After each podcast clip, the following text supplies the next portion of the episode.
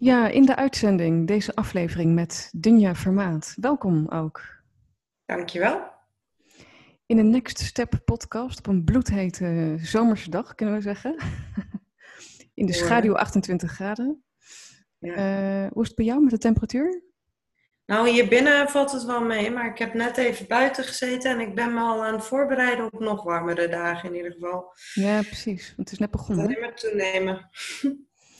En wat ik zo uh, leuk vind, uh, ook aan jou, ik deed een oproep voor de Next Step podcast, hè, waar ik uh, verhalen belicht over wat is, kort gezegd, je achtergrond, um, wat, waar, waar, sta je nu, hè? wat is hersteld zijn voor jou en wat zijn de next steps nu ook in jouw werk en leven die voor jou bijdragen, wat, wat jou helpt voorwaarts. Ja.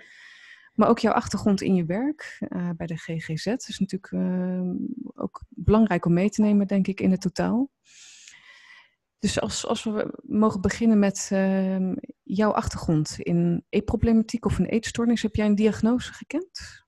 Ja, ik uh, ben op 16-jarige leeftijd, nee, sorry, 15-jarige leeftijd ben ik gediagnosticeerd met anorexia van, of met eetbuien en purgerend type. Ja. Dus um, ja, voor mij eigenlijk een combi van anorexia en bulimia met compensatiegedrag. Mijn, uh, mijn dagen bestonden eigenlijk uit overdag niets.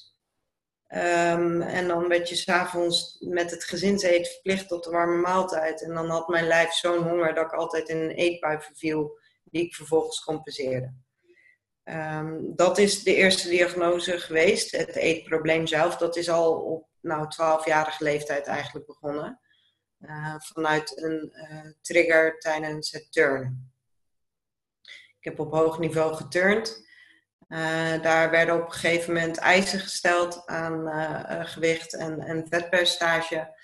Um, en na een maand ongeveer was ik een paar ons aangekomen. We werden altijd in de middag gewogen. En ik had die middag had ik een uh, verjaardagsfeestje gehad van een vriendinnetje. En toen hadden we frietjes bij de McDonald's gegeten. Um, en de trainsters zagen dat het gewicht gestegen was. Ze hadden niet oog voor het feit dat mijn vetpercentage gedaald werd. Nou, um, het is een beetje zoals de turnwereld nu in het uh, licht staat. Hè? Uh, Volop in het nieuws. Ja. met de zweep erover, uh, bij wijze van. Het is een hele harde wereld. En in die wereld heb ik ook gezeten. En um, ik als meisje van 12, 13 in ontwikkeling, fysiek, maar ook überhaupt puberend. Um, heel perfectionistisch aangelegd. Um, ook vanuit uh, de gezinssituatie. Uh, altijd chameleongedrag vertoond, omdat mijn oudere broer echt een rebellerende puber was, die veel spanning en dynamiek uh, teweegbracht in de relatie met mijn vader. Um, ik had zoiets van: oké, okay, ik moet niet mijn broer navolgen, uh, dat is een verkeerd voorbeeld. Ik moet ja. daarin goed doen. Uh, ik moet goed doen op, op school, ik moet goed doen in turnen. Ik moest altijd goed doen. En toen die trainsters dus zo die focus legden op dat uh, gewicht, dacht ik van, nou dan laat ik wel zien dat ik het kan. En dat gaat dan stapje voor stapje, weet je, iets minder snoepen, iets meer fruit, totdat een maaltijd overslaan, brood weggooien en uiteindelijk niets meer eten, naast wel vier dagen minimaal in de week drie uur sporten. Als je dan kijkt, Dunja, naar, want mogen we weten hoe oud je nu bent? 35. 35 lentes uh, jong. En dan vanaf, ja. je, vanaf je tiende dus eigenlijk dus al daar met, met, met e-problematiek uh, gelopen? Ja, vanaf mijn twaalfde. Twaalfde? Ja, vanaf mijn twaalfde is het een beetje gaan sluimeren. Het was gewoon een probleem. Nou ja, weet, ik, ik kan niet helemaal exact de vinger erop leggen hoe oud ik was. Ik weet wel dat ik op mijn zestiende die diagnose kreeg en dat ik op mijn uh, dertiende en veertiende al bij een psycholoog liep vanwege de gezinsdynamiek. Oké, okay, ja. Dus, dus je vertelt heel kernachtig ook wat, wat, waarin je volgens mij ook vertelt wat de oorzaken zijn die hebben bijgedragen tot, tot jouw eetgedrag. Volgens mij heb je dat ja. ook eh, op deze manier benoemd, hè? van wat er speelde ja. aan, aan oorzaken en waartoe dat leidde voor jou. Ja, ik werd, ehm, ehm, ik werd niet gezien. Ik werd niet gehoord. En dat kwam ook omdat ehm, ik, ik deed gewoon wat hoorde. Waar wel aandacht voor was, was voor het negatieve. Het negatieve voorbeeld uh, in, in dit geval van mijn broer, maar mijn jongere broertje, bijvoorbeeld vanwege zijn leeftijd, omdat hij veel aandacht vroeg. En ik deed gewoon zoals het hoorde. Dus ook er was geen positieve aandacht. En in die zin ben ik op emotioneel niveau. Um, kijk, het wordt verwaarlozing genoemd. En zo wil ik dat helemaal niet zeggen. Uh, niet zeggen dat ik verwaarloosd ben. Maar er is wel. Uh, ik als persoon ben in mijn emoties niet als. Uh, ja, als volledig of volwaardig gehoord. Dus ik heb dat ook niet geleerd hoe ik daarmee moest omgaan. Ik uitte mijn emoties eigenlijk heel erg in het sporten toen de tijd. Dat ja, was, was, mijn uitleg. Ja. ja. Dus het is een hele reis uh, geweest ook, uh, kan ik me voorstellen. Want tot, tot wat was het moment dat het. Uh, ben je het ontgroeid? Of, of hoe zou jij dat noemen door de jaren? Mijn eetstoornis. Ja. Die ontgroeid ben, nee. Uh, ja, ga, ga even 20 jaar in een notendop uh, formuleren. Ik ben in, uh, toen ik 16 was voor het eerst opgenomen in Rindveld. Dat was een klinische opname. Ja. Um, die heb ik goed, goed doorstaan.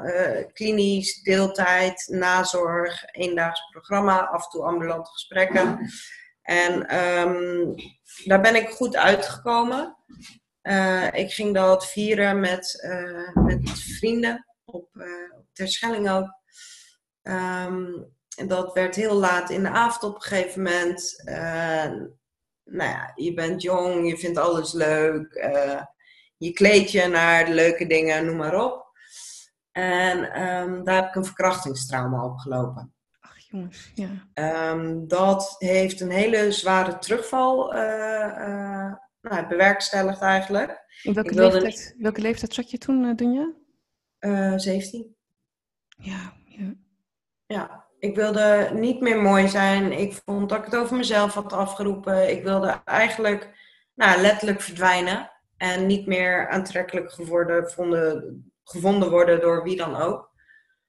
Um, toen ben ik weer uh, in opname gegaan bij Rindveld uiteindelijk daar uitgekomen. Toen ben ik een studie gaan doen.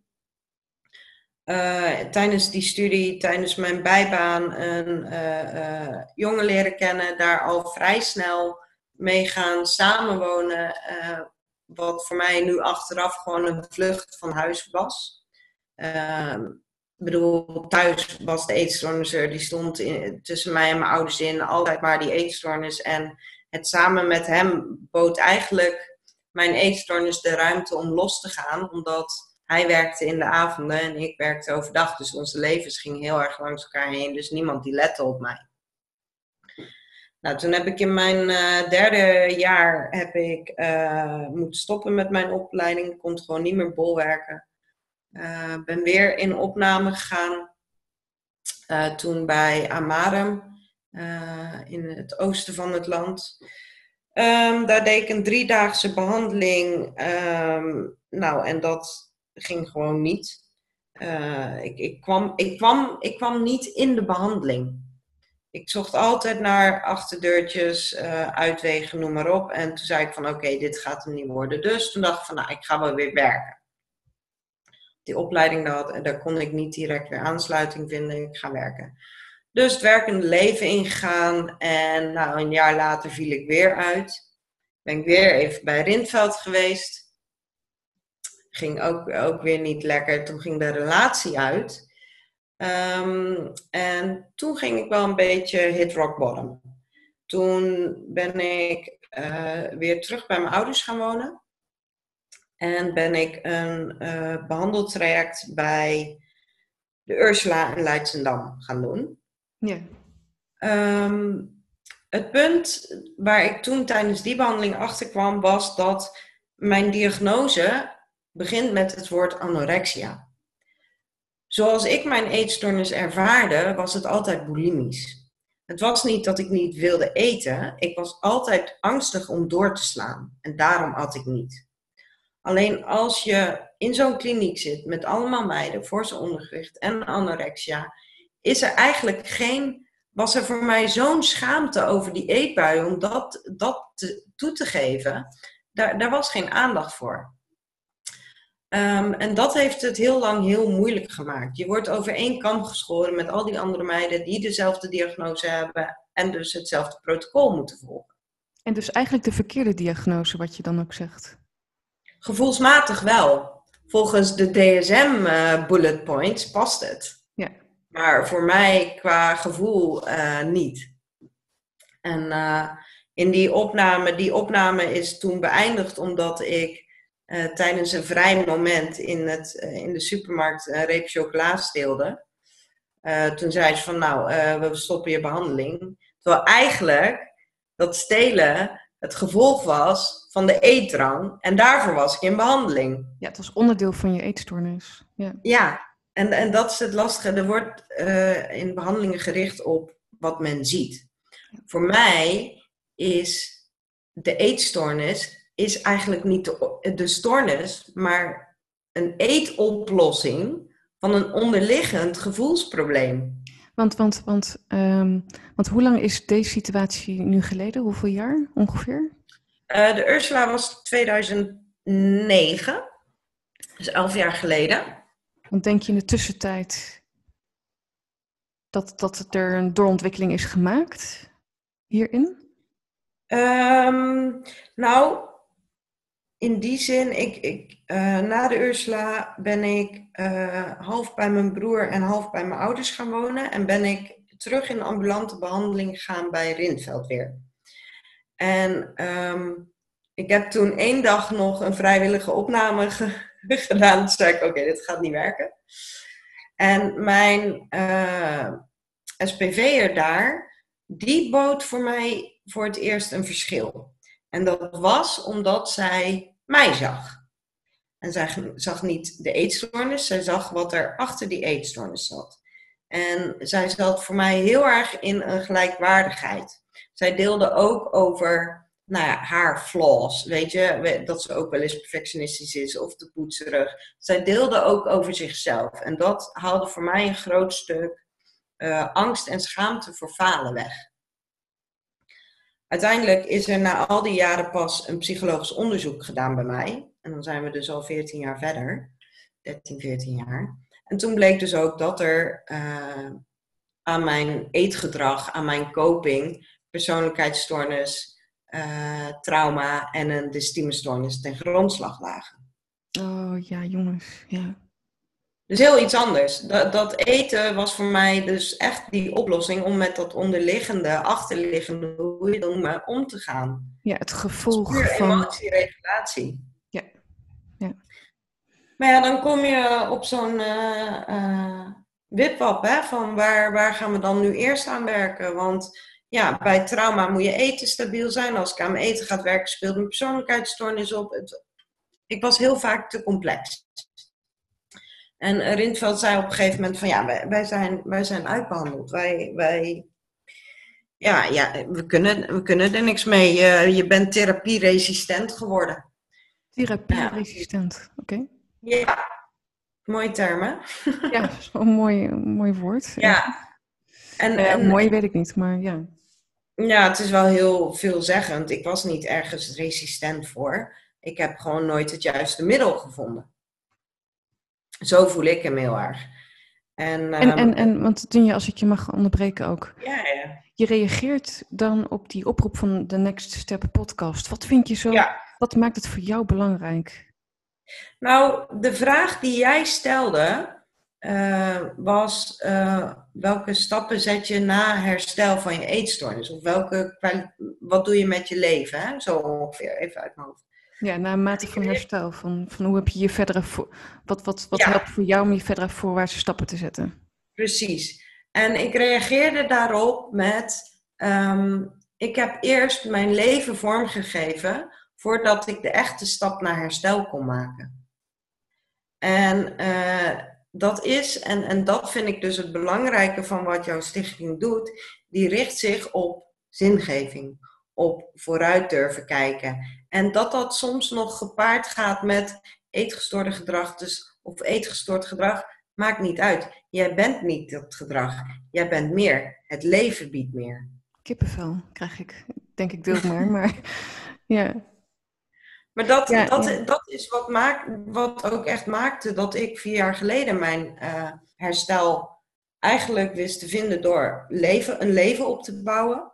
Uh, vrijwilligerswerk te gaan doen. Ik ben in aanraking gekomen met een herstelacademie in Utrecht, Enik Recovery College. En uh, zij werken alleen maar met ervaringsdeskundigen. Oké. Niet per se met uh, eetstoornis, maar heel breed. En het is eigenlijk een school des levens. En ik vond daar heel erg de diagnosevrije ruimte. Zij richten zich op herstel van je mens zijn en hmm. niet op herstel van een diagnose. Mooi. En dat allesomvattende gaf mij de ruimte om te beseffen: oké, maar ik heb heel veel ervaring in huis waar ik wat mee kan. Ik wil daar iets mee. En toen ben ik de opleiding tot ervaringswerker gaan doen. Uh, die opleiding die heb ik afgerond terwijl ik nog uh, voor zijn ondergewicht had en eetgestort was. Um, en daar heb ik uh, juni vorig jaar mijn diploma voor gehaald. En toen dacht ik, oké, ik heb nu een kwaliteit van leven. Ik heb zingeving. Ik heb werk. Ik heb sociale contacten. Ik heb twee katten waarvoor ik zorg. Ik, ik heb een goede band met mijn familie. Ik ga dit niet van me af laten pakken door iets stomzinnigs als dat eten. En hoor, dus je, dan, en hoor ik je dan ook zeggen van. Ehm, kijk, want, want ik had als, uh, als klein meisje al heel erg dromen en doelen. Ja. Maar dat is nog iets anders dan hoe bij mij bijvoorbeeld later is ontstaan dat ik ben gaan ontgroeien door me puur te richten op carrière en daarin van betekenis te zijn voor andere mensen. Ja. Dus ik heb eigenlijk een, een totaal ander iets ernaast gezet en daarin dat ik dan erken... Je, je focus verlegd eigenlijk. Ja, ja. ja. Ja, en dat heb ik heel lang geprobeerd, maar dat lukte mij niet. Dan had ik niet de juiste steunbronnen om mij heen ook. Uh, en ik, ik, ik denk dat ik er niet aan toe was. Nee, precies. Want, want wat is dan wat jou nu heeft geholpen? Want het heeft je verder gebracht dus door die opleiding uh, te gaan volgen bijvoorbeeld. Ja. Maar wat geeft het jou dan dat het je voorwaarts beweegt? Hoop. Hmm. Hoop en verbinding. Verbinding voelen van, uh, van mens tot mens en niet alleen maar. Uh, niet alleen maar dat je verbindt op rationeel niveau met iemand, zoals de maatschappij is ingesteld, maar dat je echt durft af te dalen naar wat er in je hart gebeurt en dat je open staat voor gevoelens, emoties, kwetsbaarheden, maar ook uh, nou ja, prachtige dingen en prachtige mensen die er zijn het heeft mij, wat mij heel erg helpt, is, is verbinding. En dat, dat vraagt ook wel iets van, van jezelf, want je bent al snel afwijkend in deze maatschappij als je uit je hoofd gaat. Weet je, als je zegt, uh, als iemand je vraagt hoe gaat het en je antwoordt niet met ik ben druk, maar zegt ja, wel lekker. Oh, dan is dat raar. en dat, het is eigenlijk heel raar dat dat raar is. De kunst is in deze maatschappij het mogen zijn van en van jezelf. Ja. En, en, en ook zelf die ruimte innemen. En ook zelf die ruimte mogen innemen. Het, het zijn vind ik nog steeds een heel lastig begrip. Um, wat, wat, wat, wat is dat dan, dat zijn? Omdat ik voor mezelf nog steeds, en daar, daar volg ik nu dan ook nog een ambulante therapie voor. Um, ik ontleen mijn bestaansrecht nog steeds heel erg aan wat ik doe. En in hoe ik presteer. En het steeds meer, beter of anders. Dat perfectionisme, dat is heel fijn, is een kracht, maar kan ook een valkuil zijn. En um, daar ben ik me heel erg van bewust. En ik zie die valkuilen nu ook, dus daar zit ook wel groei in.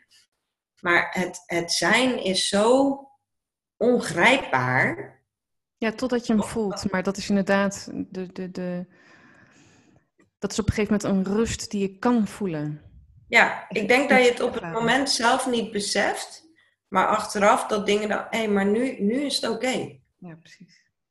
En als je in herstel van een eetstoornis bent, ehm, is zijn letterlijk, hè, je bent meer geworden mogelijk. Of, nou, weet ik niet, want uh, eetstoornis is niet alleen anorexia, dat, dat zijn er veel meer. Juist de onzichtbare eetstoornissen zijn heel kwetsbaar. Ja. Uh, dat maakt, maakte voor mij die strijd in de bulimische periode ook zo ontzettend eenzaam. Niemand zag mij als ik alleen was worstelen met dat eten. Anorexia is redelijk zichtbaar. En dan geven mensen je eigenlijk steun. Als het niet zichtbaar is, moet je je eigen schaamte voorbij, moet je je eigen problemen erkennen, moet je hulp vragen. En dan ook nog eens de hulp aanvaarden die iets gaat veranderen in dat wat je coping is. Dat, is zo'n. Ja, zo lastig uit te leggen wat dat, wat dat betekent. Wat, hoe zou je dat beschrijven in je gevoel, inderdaad? Wat, wat, wat, als, je, als je dit, zo'n situatie neemt, wat doet dat met jou? Nou, het maakt me, als ik, als ik dit vertel en ik zit in dat gevoel, maakt het me emotioneel. Ja. Ik voel, um, het is dat gevangen zitten in jezelf.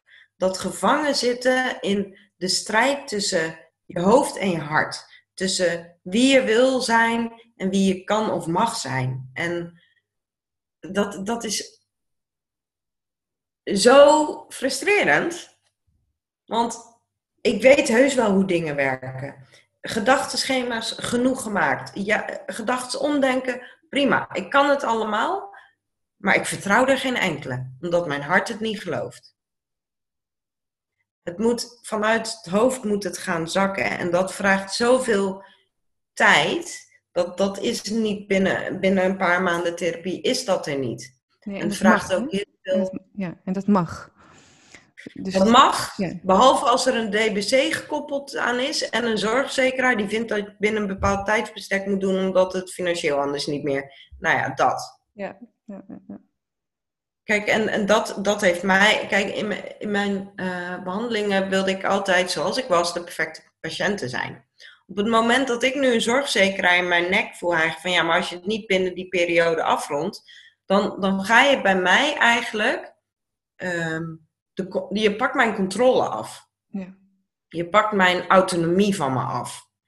En uh, het enige waar ik dan weer zekerheid in heb, is dat hele eetstoornis gebeuren. Als andere dingen onzeker zijn, is dat het eerste waar ik naar grijp. Omdat ik weet, daar, daar weet ik alles van. Daar, daarin is geen enkel grijs gebied. Of vage randjes. Ja. Kun je ook zeggen, Dunja, dat, dat, dat, dat het ook die zoektocht is van het herontdekken van je, van je, van je, wel net over ons zijn, maar eigenlijk je identiteit? Ja. Nou ja, maar dat doe ik op 35-jarige leeftijd nu weer. Ik zit eigenlijk opnieuw uh, nou ja, in de tijd dat ik puber was ik ben aan het ontdekken wat ik wil, wat ik kan, wat ik mag, waar ik recht op heb.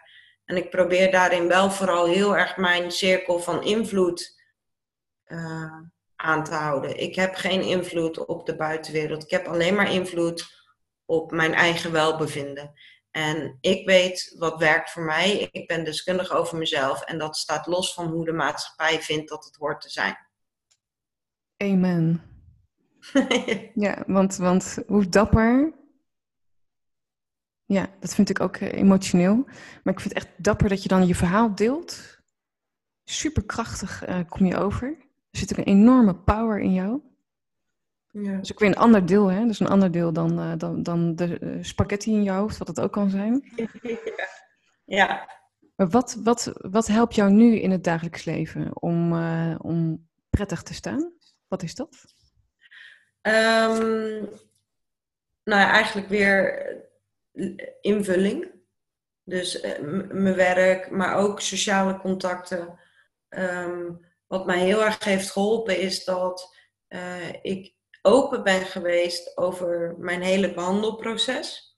Dat ik daar nu nog steeds ook open over ben. En dat maakt dat mensen uh, me vertrouwen omdat ze weten dat ik de waarheid spreek. Dus mijn ouders twijfelen er ook niet aan wanneer ik zeg ik heb wel gegeten of niet gegeten, omdat ik het ze ook zeg wanneer ik wel of niet heb gegeten. Dus dat schept heel veel rust en ruimte en dat schept weer meer mogelijkheden tot echt in verbinding met ze staan. En wat mij het meeste helpt is uh, dat ik drie jaar geleden een rap heb gemaakt. En dat, uh, dat is niet de age rap, uh, maar dat is een Wellness Recovery Action Plan. Die heb ik bij Enik Recovery gemaakt. En um, dat gaat eigenlijk uit van hoe zorg ik voor mijn eigen welbevinden. En dat, um, dat leunt op eigenlijk vier sleutelbegrippen tot herstel van hoop, persoonlijke verantwoordelijkheid, eigen ontwikkeling, opkomen voor jezelf en steun. En daarbovenop creëer je dan een gereedschapskoffer voor een goed gevoel.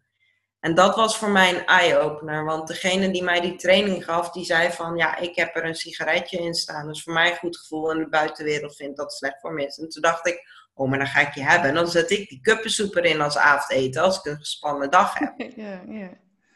Omdat ik weet dat het op een gespannen dag voor mij werkt. Ik weet ook, wanneer ik dat drie dagen achter elkaar doe, dat het dan een vroeg waarschuwingsteken wordt. En dat ik dan dus een actie uit die gevulde koffer moet putten van iemand bellen of een veilige maaltijd of even iets minder werken. Maakt niet uit. Het gaat heel erg uit van je kracht en je mogelijkheden in plaats van hè, die preventieplannen en zo, waarbij het uitgaat van de klacht die opgelost moet worden. Dus wat mij het meeste helpt is mijn eigen deskundigheid eigenlijk. Het bewust worden of bewust zijn geworden van mijn mogelijkheden en dat wat ik zelf kan doen uh, om me oké te voelen.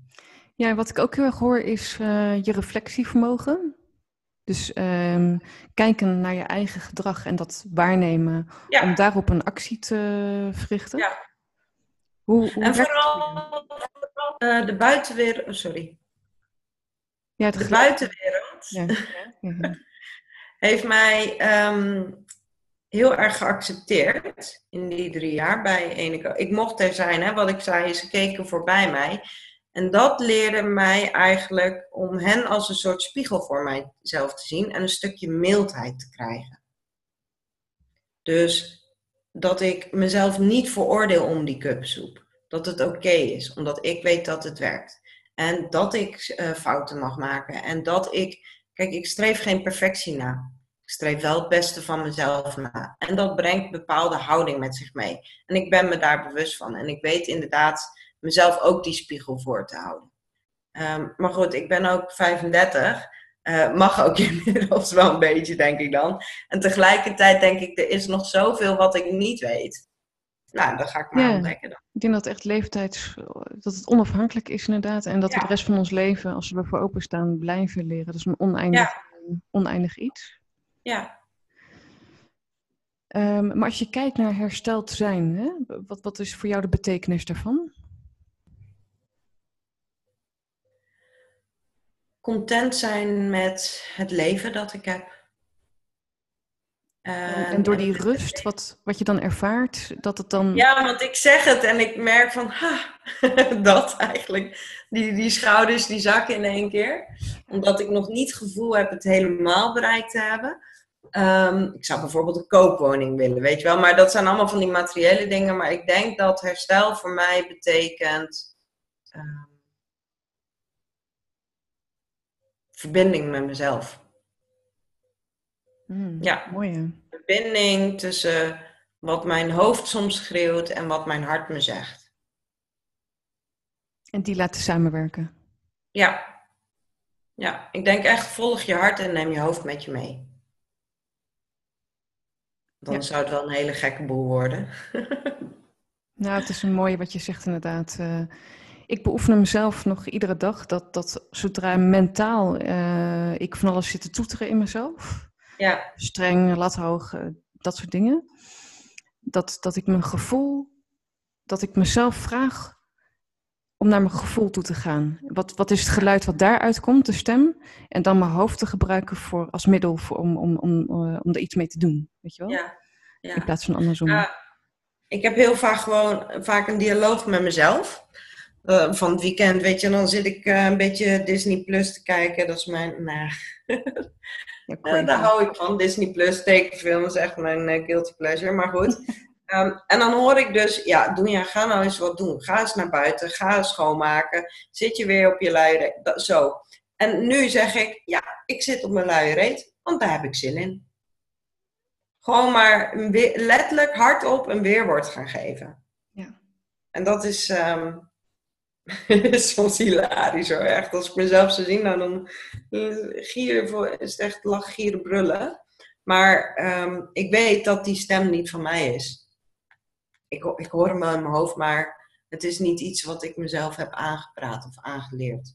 Ja, we kunnen het uh, reguleren. Ja. En als je dan kijkt naar uh, dit alles gezegd hebbende en de mensen die uh, kijken of luisteren. Hmm. En we hebben dit mooie gesprek met elkaar gevoerd. Wat, wat, hoe kijk je dan zelf dan nu ook op terug, op dit gesprek? Nou ja, zonder daarin heel arrogant te, klinken, denk van nou, doen. Je doet goed. Ja. ja zeg, komt er wel. zeg het nog eens. doen, je doet het goed. Ja. Ja.